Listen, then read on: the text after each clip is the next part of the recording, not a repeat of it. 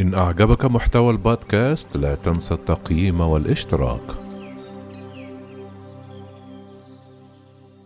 الدنمارك وأيرلندا وتايلاند يوقفون استخدام لقاح أسترازينيكا.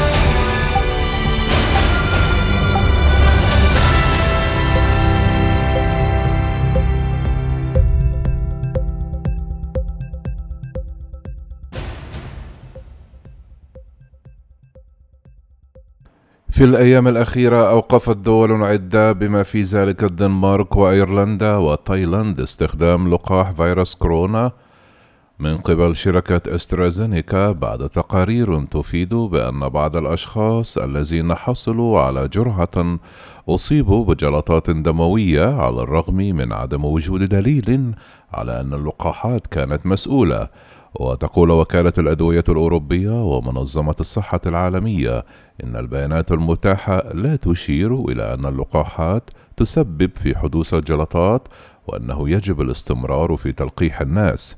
إليكم ما نعرفه وما لا نعرفه.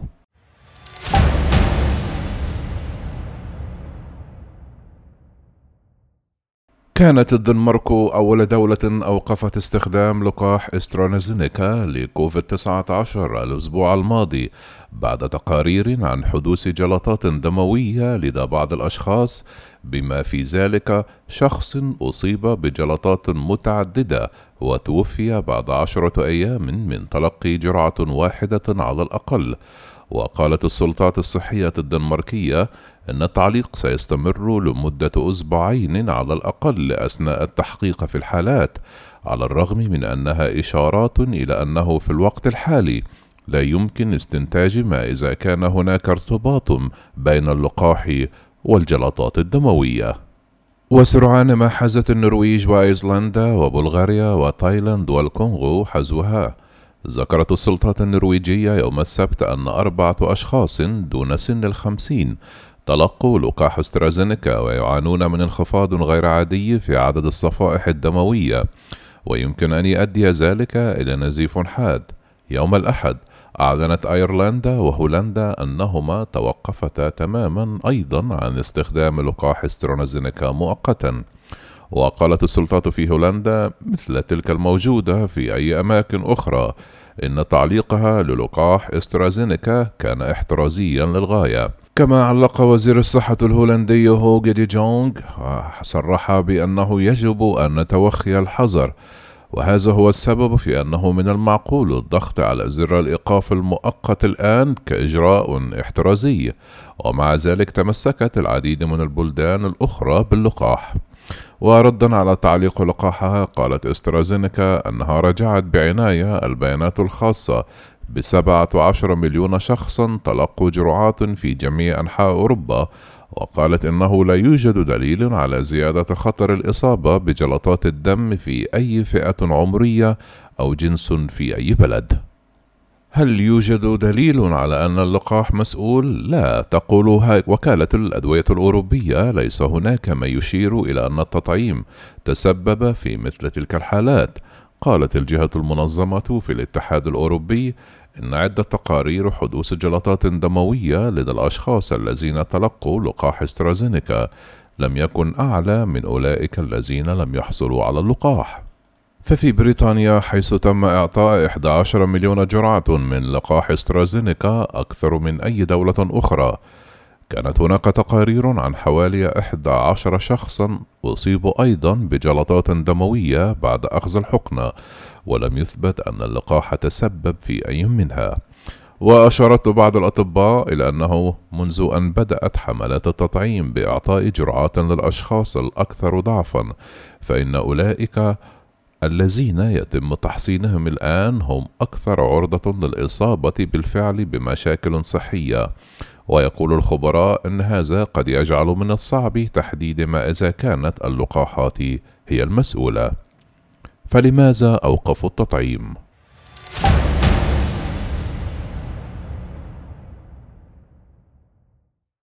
في أي وقت يتم فيه نشر اللقاحات على نطاق واسع يتوقع العلماء الإبلاغ عن بعض المشكلات الصحية الخطيرة والوفيات وذلك ببساطة لأن ملايين الأشخاص يتلقون اللقاحات ومن المتوقع أن تحدث المشكلات بشكل عشوائي في مجموعة كبيرة جدا. الغالبية العظمى من هؤلاء لا يتم ربطهم باللقاح ولكن نظرا لأن لقاحات كوفيد 19 لا تزال تجريبية ويجب على العلماء التحقيق في كل احتمال أن يكون للحلقة بعض الآثار الجانبية غير المتوقعة. وتعتبر اللقطات التجريبية لأن اللقاحات تم تطويرها فقط في العام الماضي لذلك لا توجد بيانات طويلة المدى لأي منها. وصرحت الدكتورة ميرجينيلا سيماوا مساعد المدير العام لمنظمة الصحة العالمية. يموت الناس كل يوم ولدينا أكثر من 300 مليون شخص على مستوى العالم ممن تم تحسينهم ويموتون لأسباب أخرى. فهل يعد هذا مصدر قلق لبعض لقاحات كوفيد 19 تدرس المنظمة حاليا ما إذا كانت لقاحات كوفيد 19 التي قدمتها شركة بيونتيك وفايزر وموديرنا واسترازينيكا قد تتسبب في انخفاض مستويات الصفائح الدموية لدى بعض المرضى وفي حالة يمكن أن تؤدي إلى كدمات ونزيف فهل دخلت استرازينيكا في مشكلة أخرى؟